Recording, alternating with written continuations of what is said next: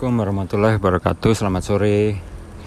Terima kasih sudah terus memantau podcast ini walaupun timbul tenggelam karena kanal komunikasi ada beberapa jadi pasti ada yang di satu saat lebih intensif dibanding uh, kanal yang lainnya. Nah, kali ini saya akan coba cerita bukan masalah sains terbuka, bukan masalah hidrogeologi, walaupun ada kaitannya ya sedikit.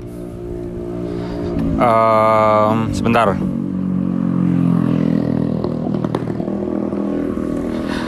Lebih terkait dengan proses kenaikan jabatan. Baik. Jadi saya coba merunut kembali uh, proses usulan kenaikan jabatan saya gitu ya. Awalnya mungkin tahun 2000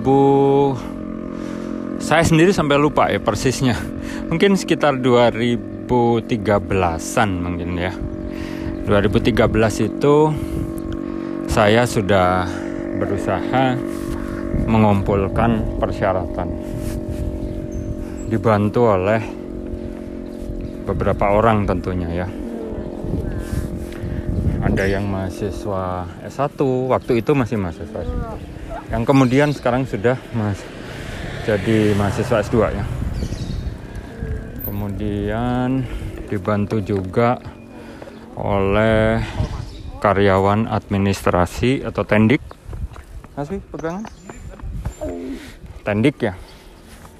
Tendik tenaga kependidikan juga dibantu oleh uh, tendik itu ada beberapa juga. Jadi tendik yang menangani kelompok keahlian kami ya. Waktu itu namanya Pak Kuswondo.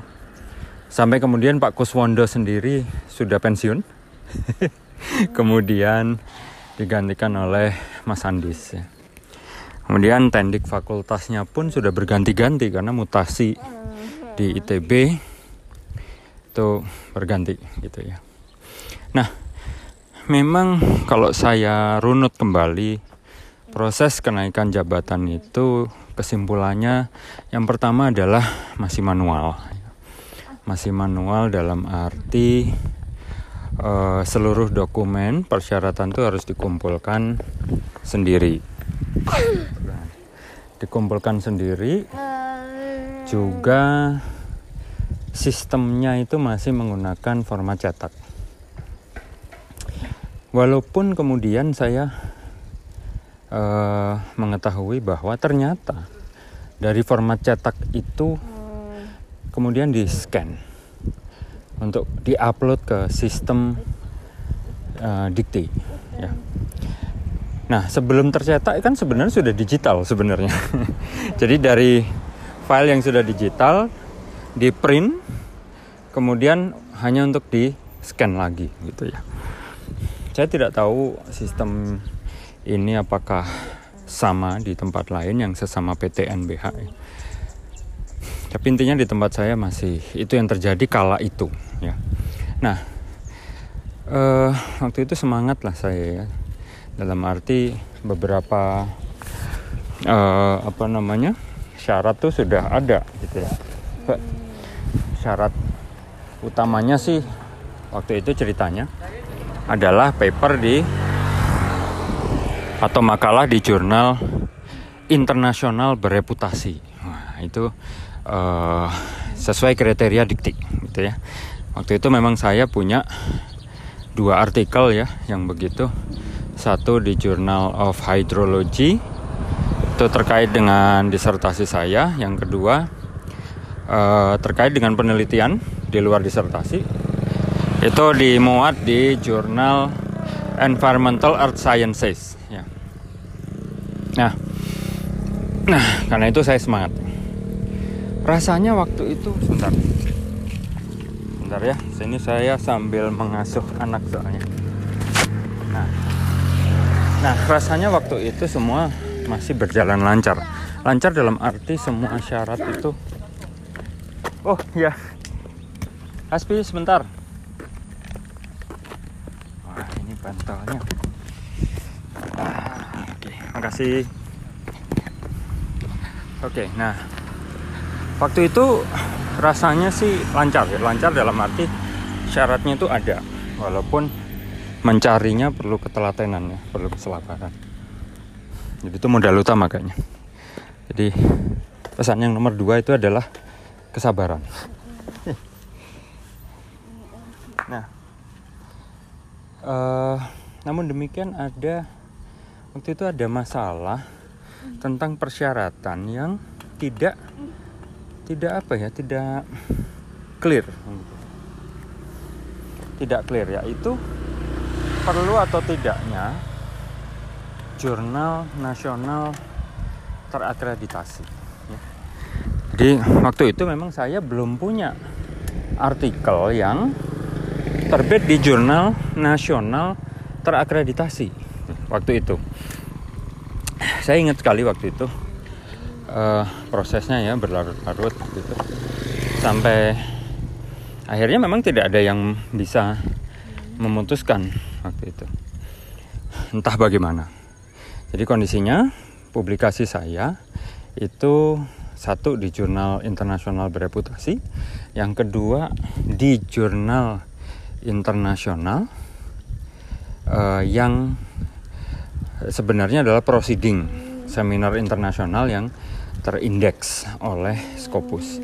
Nah, waktu itu memang itu disetarakan sebagai jurnal internasional. Nah, kalau dari sisi skor, urutannya adalah dari jurnal internasional bereputasi, kemudian turun ke jurnal internasional yang terindeks ya. Tapi tidak ada faktor dampak. Kemudian turun lagi ke jurnal internasional yang biasa ya, yang tidak terindeks. Terus turun ke bawah. Nah jurnal nasional terakreditasi posisinya ada di tengah. Ya nah ketika saya sudah punya syarat yang lebih tinggi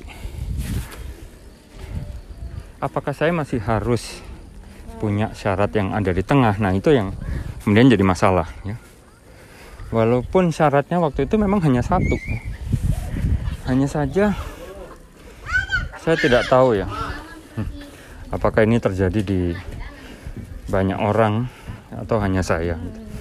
Uh, saya sih waktu itu berpikir bahwa uh, saya waktu itu berpikir bahwa ya buat apa saya menghabiskan waktu uh, lebih lama lagi begitu ya untuk sesuatu yang yang sebenarnya mestinya secara logika tidak perlu. Wong saya punya punya apa namanya sudah punya jurnal internasional yang lebih tinggi uh, derajatnya. Nah, nah ini rupanya menjadi pelajaran yang ketiga, yaitu akan lebih baik kalau kita mematikan logika dan mematuhi aturan saja, gitu.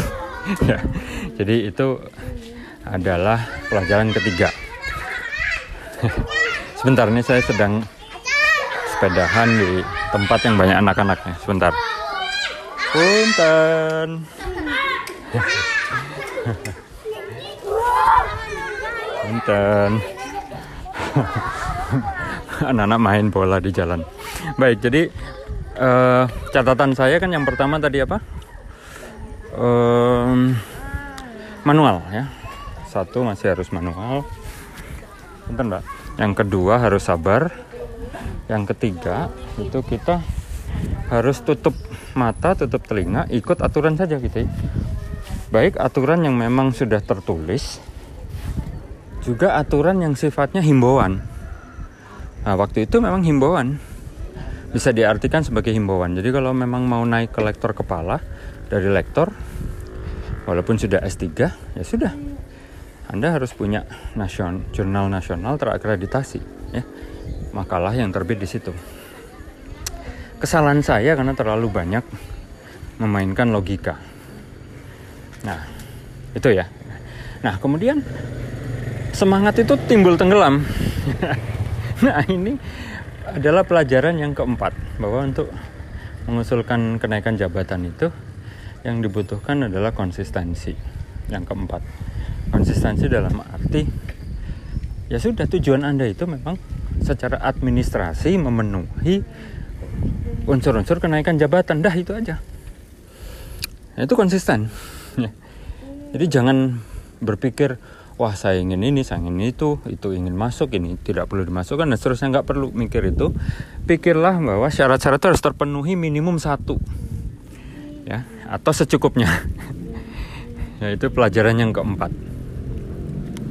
Semangat timbul tenggelam akhirnya. Nah sampailah sampai waktu itu kampus saya mendatangkan narasumber dari Dikti dan Dirjen uh, Direktorat Ketenagaan waktu itu yang memastikan lagi bahwa untuk dosen yang berpendidikan doktor jika ingin naik dari lektor menjadi lektor kepala maka minimum harus punya makalah yang terbit di jurnal nasional terakreditasi. Jadi justru itu minimumnya. Kalau sudah doktor jadi harus punya itu minimum satu. Tidak ada syarat jurnal internasional dan lain-lain tidak ada syarat harus punya makalah di jurnal internasional itu malah wajib untuk yang baru S2 jadi lektor pendidikan S2 wajib jurnal internasional tapi lektor pendidikan S3 justru hanya wajib uh, minimum satu makalah di yang terbit di jurnal nasional terakreditasi. Nah, di situlah mulai lagi ada semangat, gitu ya. Nah, ketika semangat sedang ini ada kendala berikutnya. Kendala berikutnya adalah uh, formnya berubah. Jadi form untuk penilaian pakar dari masing-masing makalah itu berubah formatnya yang tadinya itu saya ingat saya sudah dua kali itu malah yang pertama uh, format untuk anu apa namanya apa sih komentar ya nah komentar itu Hasbi Hasbi pegangan komentar itu tadinya boleh pendek ya tidak diatur kemudian berubah menjadi harus panjang. Jadi akibatnya saya harus minta lagi itu penilaian yang sama kepada para penilai untuk paper yang sama dengan catatan harus panjang. nah, oke. Okay, nah kemudian perubahan kedua itu kalau nggak salah ada layout kalau nggak salah ya. Layoutnya berubah. Saya sudah agak lupa apanya tapi layout. Nah akibatnya terhambat lagi kan dan kembali lagi semangat itu timbul tenggelam tugas-tugas itu berubah dinamis lah gitu kemudian misi saya sendiri juga berubah berubah dalam arti ya saya waktu itu memilih untuk lebih mempromosikan sains terbuka waktu itu mulailah itu nah sebentar oke. Nah, setelah timbul tenggelam itu, kemudian saya mulailah itu mengumpulkan lagi gitu ya. Di tahun 2000 2018 2018 sampai 2019 itu saya nulis lalala lili dan seterusnya. Termasuk mengumpulkan uh, apa namanya syarat yang eh sorry bukti-bukti yang ya yang ini ya yang sangat mudah untuk dilewatkan ya. Yaitu misalnya berita acara sidang. Itu. Kemudian ada kendala berikutnya waktu itu adalah bimbingan saya kurang. Bimbingan S1, S2 dan S3 apa pun ya mau S1 mau S2 mau S3 itu kurang angka kreditnya nah bisa di mungkin bagi ibu dan bapak yang tidak dari kampus saya itu uh, mungkin perlu saya jelaskan. Jadi minat mahasiswa itu juga tidak bisa diatur untuk bimbingan tentang bidang tertentu ya, itu tidak bisa diatur.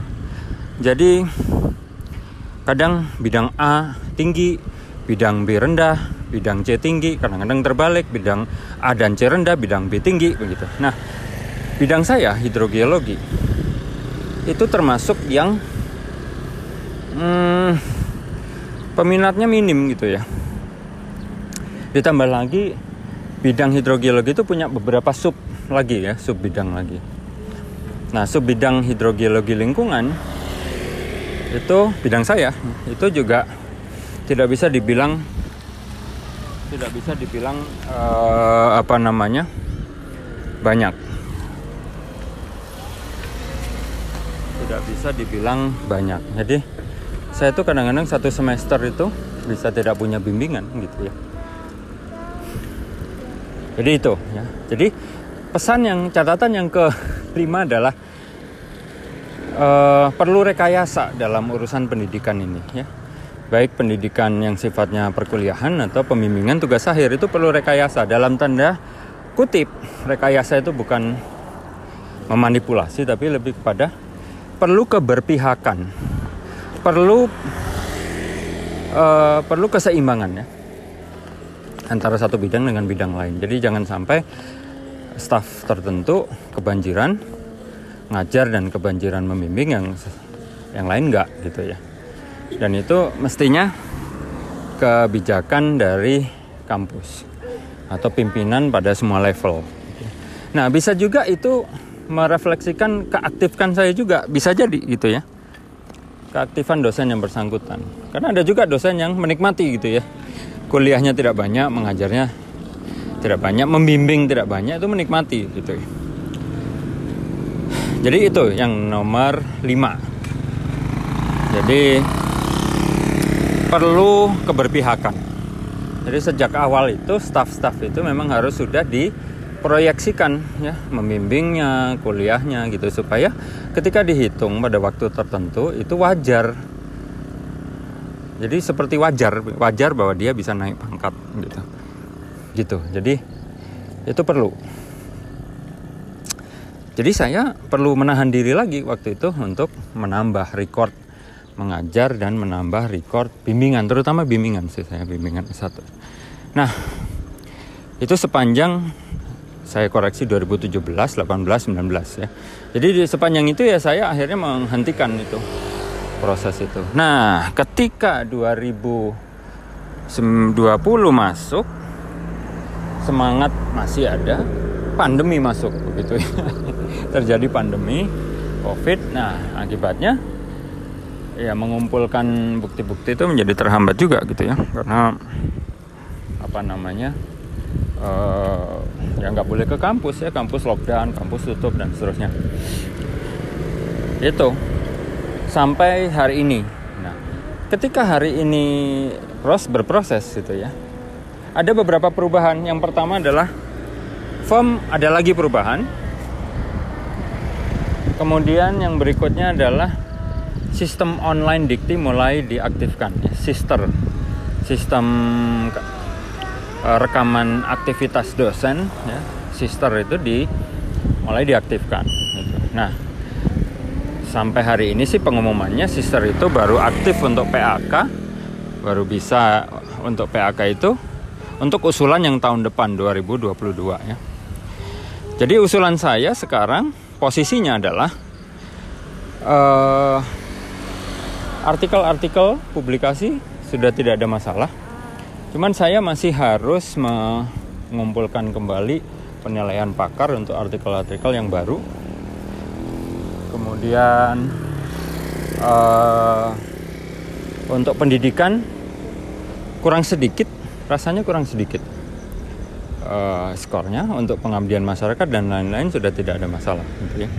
Nah jadi PR saya dalam dua bulan ini yang melengkapi artikel yang sudah ada gitu ya penilaiannya jadi saya harus minta kesediaan ibu dan bapak rekan-rekan saya juga untuk menilai uh, meminta kesediaan diganggu terus begitu ya. Karena ada karena ada beberapa orang yang saya minta itu mungkin tiga kali atau empat kali gitu ya untuk mengulang itu. Jadi terima kasih buat ibu dan bapak yang mendengarkan ini yang kebetulan saya minta lebih dari sekali. Nah, itu jadi singkat cerita. Ada lima catatan. Ya. Yang pertama uh, semua manual. Itu yang menyebabkan ibu dan bapak harus mengembangkan sistem pengarsipan sendiri. Bisa saja me menyerahkan tugas itu ke uh, tendik ya, ke staff. Tapi akan jauh lebih efisien kalau ibu dan bapak punya sistem pengarsipan sendiri. Saya kebetulan kok tidak rapi untuk urusan itu. Gitu ya. Tidak rapi dalam arti apa ya? Kadang-kadang saya itu merasa uh, ya terlewat saja gitu ya. Karena di dalam kepala itu terlalu acak kadang-kadang. Ketika saya harus menyelesaikan ini, pikiran saya ke tempat lain dan seterusnya. Jadi itu manual. Akibatnya harus pengarsipan mandiri yang baik. Terus yang kedua adalah sabar. Sabar, telaten ya. Untuk mengumpulkannya. Gitu ya. Mau sistemnya manual atau sistemnya nanti ketika sister aktif dan PAK online yang baru diresmikan kemarin ya. Itu jalan, tetap saja pengarsipan sendiri itu tetap dibutuhkan gitu ya. Karena sistemnya masih banyak upload dugaan saya ya bukan link, bukan menyisipkan tautan, tapi masih banyak mengunggah begitu ya sistemnya. Itu yang kedua ya. Sabar, telaten. Yang nomor tiga adalah konsisten. Konsisten dalam arti begini, ketika Anda mau naik pangkat atau naik jabatan, maka sepertinya Anda itu nggak boleh punya pikiran yang lain. Punya ingin pengembangan diri ke tempat lain, membuat program baru, menginisiasi program baru begitu ya. Yang membutuhkan effort besar. Saya sarankan jangan. ya. Ya, kon, itu konsisten konsisten terhadap bukan terhadap tujuan sebagai dosen tapi konsisten terhadap tujuan untuk naik pangkat. Itu yang ketiga. Yang keempat, ibu dan bapak apa tadi ya? Yang keempat, ibu dan bapak itu harus um, oh ini uh, harus nurut aturan. Jadi matikan logika, matikan pendapat pribadi, ikutin saja aturan baik aturan yang sifatnya sudah tertulis, aturan utamanya, Pak. aturan tertulis baik tingkat nasional maupun turunannya ya, sampai tingkat lokal. Atau aturan yang sifatnya tidak tertulis ya himbauan itu.